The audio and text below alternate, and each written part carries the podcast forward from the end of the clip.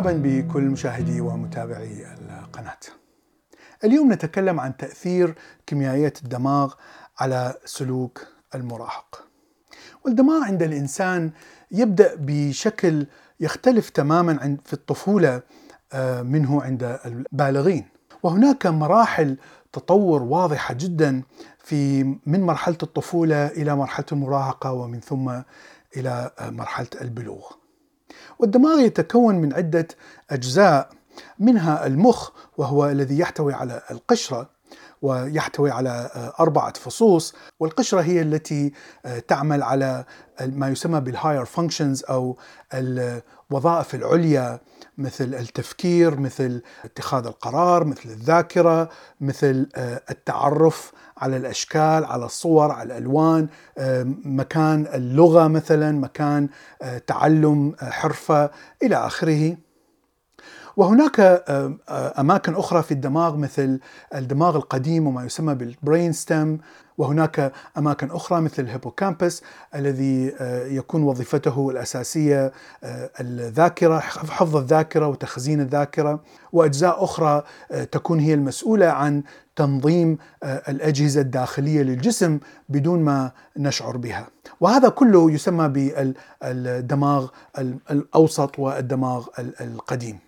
وخلايا الدماغ تعتمد على الاتصال ما بين الخلايا العصبية داخل الدماغ. وكل اتصال ما بين خلية وخلية يخزن آه، داخل منطقة معينة من الدماغ. وهو يمثل مثلا ذاكرة معينة، صوت معين، رائحة معينة. وهذه الاتصالات تسمى بسينابس ما بين الخلايا العصبية. عندما نولد وفي الأشهر الأولى نرى أن القشرة المخية أو المخ آه، يوجد فيه آه، عدد قليل جدا من الخلايا العصبية تكون متصلة في في سينابسز. لكن الدماغ القديم والدماغ الأوسط تكون آه، الخلايا العصبية فيه متصلة ومكتملة النضج لأنها يجب أن تعمل فورا في تنظيم وحركة أجزاء الجسم الداخلية. ومع تقدم الزمن الأيام والأشهر في أول سنة من عمر الطفل نلاحظ آه، أن تكوين الروابط ما بين الخلايا العصبية في المخ أو في القشرة المخية آه، تبدأ بالزيادة بشكل كبير جدا جدا.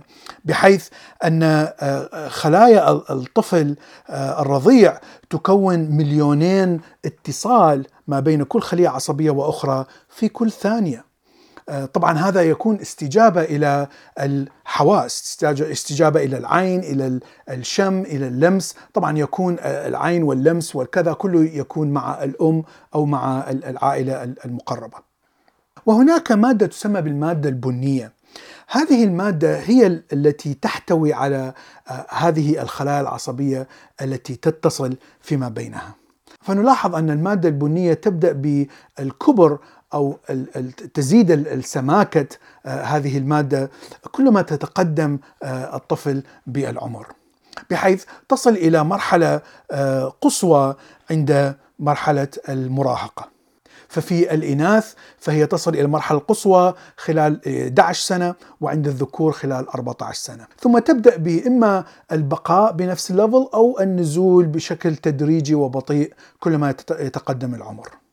ونلاحظ أيضا أنه نتيجه لكل نشوء كل هذه الروابط أو السينابسز ما بين الخلايا العصبية خلال مرحلة المراهقة نرى عند عند فترة معينة في نهاية مرحلة المراهقة نرى أن الدماغ يبدأ بتقليل آه، هذه الروابط الموجودة في الدماغ، بمعنى أن هناك كثير من الإشارات التي تأتي من كثير من الخلايا العصبية وقد تكون هناك إشارات ليست مفيدة آه، أو ما يسمى بفقط نويز آه، أو إشارات فوضوية.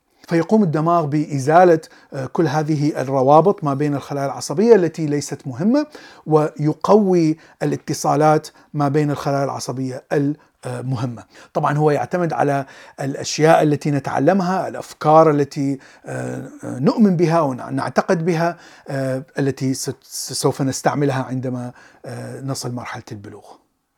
وهناك عدة هرمونات وناقلات عصبية في الدماغ تعمل آه، سوية. فنرى أن هرمون الأبينفرين أو الأدرينالين يزيد من سرعة آه، تواصل ونقل الإشارات بين الخلايا العصبية. ومن جهة أخرى آه، جابا والسيروتونين يقلل من انتقال الإشارات العصبية ما بين الخلايا العصبية. الشيء الواضح الذي نراه في مرحلة الطفولة والمراهقة أن هرمون الأدرينالين يكون أقوى وتأثيره أكثر بكثير من الجابا والسيروتونين. أيضا طبعا الهرمون المهم الآخر وهو طبعا أهم هرمون موجود في كل الكائنات الحية هو الدوبامين. والدوبامين هو يفعل وأيضا يثبط آه، النقل الإشارات ما بين خلايا الدماغ، لكن الشيء الأساسي الذي يفعله هو دفع الكائن الحي إلى فعل شيء معين.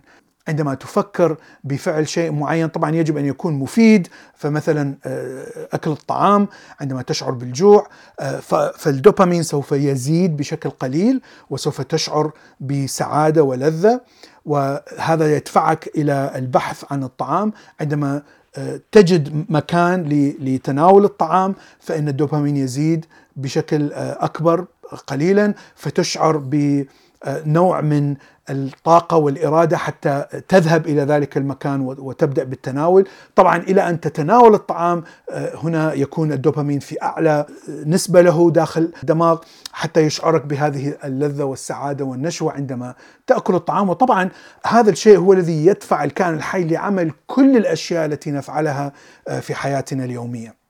والدوبامين كهرمون موجود ونشط من الطفولة والمراهقة والبلوغ آه، إلى أن نموت. الشيء الآخر الموجود في دماغ الإنسان هو ما يسمى بالمايلين. والمايلين آه، هي مادة آه، بيضاء تكون مادة دهنية تعزل المواد الموصلة أو الأوتار الموصلة ما بين الخلايا العصبية. بالضبط مثل سلك الكهرباء الذي يحتاج إلى عزل حتى الإشارة الكهربائية داخل السلك آه، تبقى آه، فعالة وشدتها عالية. نفس الشيء داخل جسم الإنسان مادة المايلين هي التي آه، تعزل هذه الروابط العصبية بين الخلايا العصبية داخل الدماغ وحتى في النخاع الشوكي.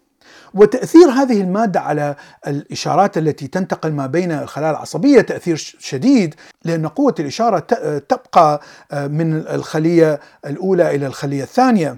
والمادة أيضا تساعد على رجوع الخلية العصبية إلى العمل آه، بشكل آه، نشط بعد أن تستلم وتبعث إشارة معينة. إذا المادة مهمة جدا في زيادة كفاءة عمل الدماغ وانتقال الإشارات ما بين الخلايا العصبية. فعند الطفولة تكون هذه المادة قليلة آه، وتبدأ بالزيادة بشكل بطيء كلما تزيد الاتصالات آه، أو السينابسز ما بين الخلايا العصبية في الطفولة مراهقة وإلى البلوغ. وهذا يعطي سبب أن الطفل لا يستطيع أن يتعلم بسرعة آه، مثلا المشي لأن المشي يعتمد على كثير من الإشارات التي يجب أن تكون متصلة ما بين العين والعضلات والأيدي والأرجل. آه، فهناك عدة مكانات في الدماغ يجب أن تتصل فيما بينها بسرعة شديدة حتى تستطيع أن تربط كل هذه المعلومات سوية. فطبعا وجود هذه المادة المايلين يساعد على عمل هذه الاتصال هذه الاجزاء من الدماغ. والشيء الواضح جدا أن الفرونتر لوب أو المكان المقدمة في المخ هذه لا تنمو بسرعة في مرحلة الطفولة. نحن نرى أنها تبدأ بالنمو بشكل بطيء جدا ولا تنضج إلا بعد آه، سن ال 25 سنة. هذه المنطقة هي المسؤولة عن الفكر، المنطق، اتخاذ القرار، الحكمة ومثلا تقدير خطورة الموقف، آه، تقدير المساوئ والمحاسن مثلا لشيء معين أو عمل معين سنقوم به، كل هذه الأشياء آه، تكون موجودة في الفص الأمامي. والفص الأمامي يكون غير ناضج عند المراهقين. وهذا هو السبب فإن المراهق أو الطفل آه، لديه صعوبة في آه، كبت آه، نفسه من عمل شيء معين. وهناك دراسة أجريت على أطفال وبالغين بحيث هناك ضوء معين في شاشة وفقط قيل لهم أنه حاول أن لا تنظر إلى الضوء فلاحظوا أن نسبة المراهقين تكون أكبر من نسبة البالغين الذين يعني نظروا إلى الضوء، لم يستطيعوا أن يمنعوا أنفسهم من من رؤية الضوء. أيضا رأوا أن البالغين الذين منعوا نفسهم من رؤية الضوء هناك يعني أماكن قليلة في الدماغ التي كانت مفعلة. بمعنى أنهم لم يستعملوا طاقة كبيرة لمنع نفسهم من رؤية الضوء بينما مقارنة بدماغ المراهق هناك أكثر مكانات في الدماغ كان يجب تفعيلها حتى يستطيع أن يمنع نفسه، طبعا لوجود لوجود هذا النضوج الواضح الموجود عند البالغين من الفص الأمامي. أيضا الدراسة اكتشفت أن الأطفال والمراهقين يكونون اتخاذ القرار الخاطئ يكون سريع جدا. أسرع من البالغ. الفص الآخر الذي لا ينضج تماما في المراهقة هو الفص الجداري. وهذا الفص يساعد الدماغ على الانتقال سريع بين عمل وعمل آخر. بمعنى أننا إذا كنا نعمل شيئين في وقت واحد، طبعا الدماغ لا يمكنه أن يركز على عدة أشياء في وقت واحد، نحن نشعر أننا نعمل عدة أشياء لكن في الحقيقة الدماغ ينتقل بسرعة شديدة ما بين التركيز على أول عمل ثاني عمل ثالث عمل وهكذا فمثلا ممكن أن تقود السيارة وتتكلم بالتليفون. مثلا قيادة السيارة تحتاج إلى يعني جزء من اهتمام من الدماغ وطبعا التكلم في التليفون أيضا يحتاج إلى جزء من الاهتمام. فهنا لدينا عملين الدماغ يحاول أن يوازن العمل ما بين هذين. نرى أن المراهق لا يستطيع أن يركز على أكثر من عمل واحد في الوقت الواحد ولهذا نرى أن نسبة حوادث السيارات بسبب مراهق يعمل تكست أو أو يتكلم في التليفون أكثر بكثير من نسبة الحوادث عند البالغين. وهناك شيء آخر مهم جدا أيضا في دماغ المراهق وهو عدم التحكم بالشعور سواء كان شعور بالخوف أو شعور باللذة أو السعادة.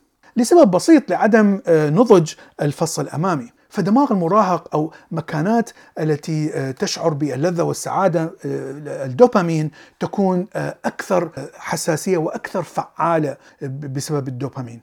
أيضا إشارات الخوف أو الرعب التي تأتي من الاميجدلا تكون أيضا قوية أكثر مما هي عند البالغين.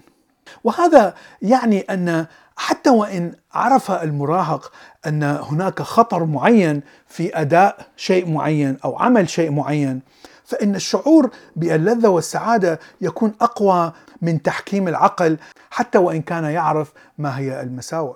ولهذا نرى أن المراهق يكون أسهل بكثير أن يدمن على مثلا الكحول، المخدرات، الحشيشة، السجائر، ويكون حتى من الصعب جدا على المراهق أن يتخلص من عادة الإدمان حتى بعد أن يصبح بالغ.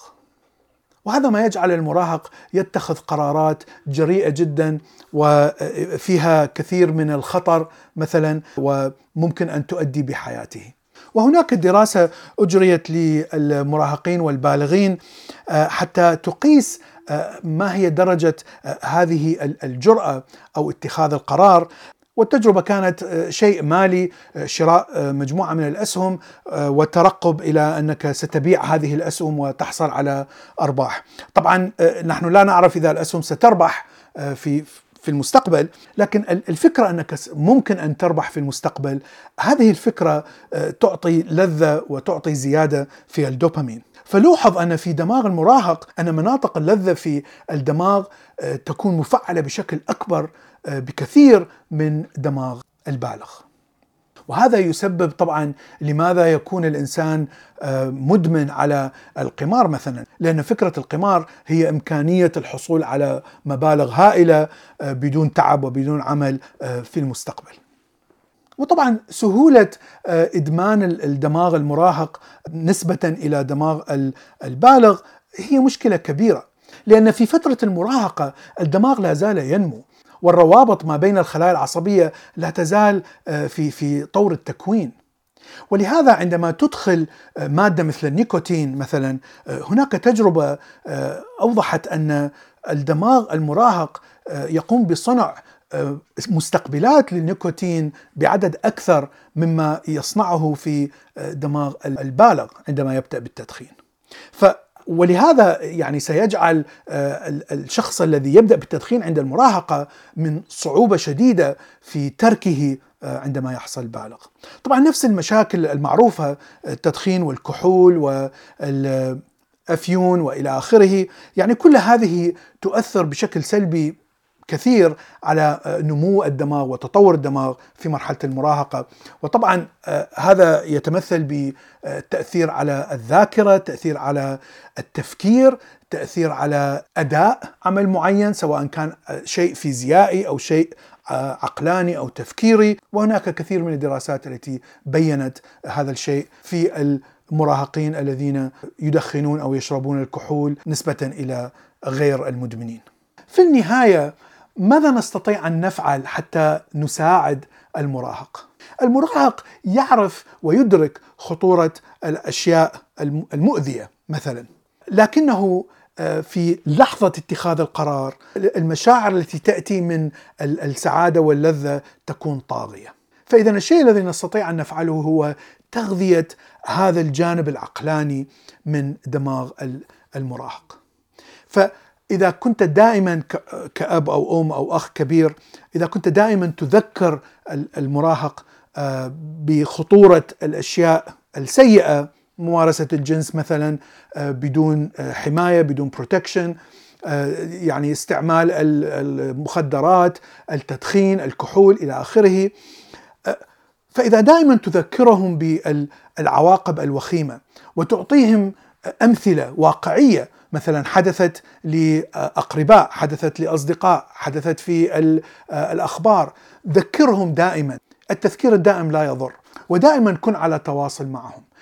لا يجب أن يشعروا بأنهم وحيدين في العالم. الشعور بالعزلة هو خطر شديد على المراهق لأنه سيفقد هذه النصيحة المهمة من البالغين. سنتكلم أكثر عن كيف نتواصل مع المراهق في آه، حلقة آه، مقبلة مع سيدة خديجة ونتكلم عن أمثلة واقعية من خلال آه، عملها. أرجو أن يكون هذا الفيديو مفيد، شكرا لكم وإلى اللقاء في حلقة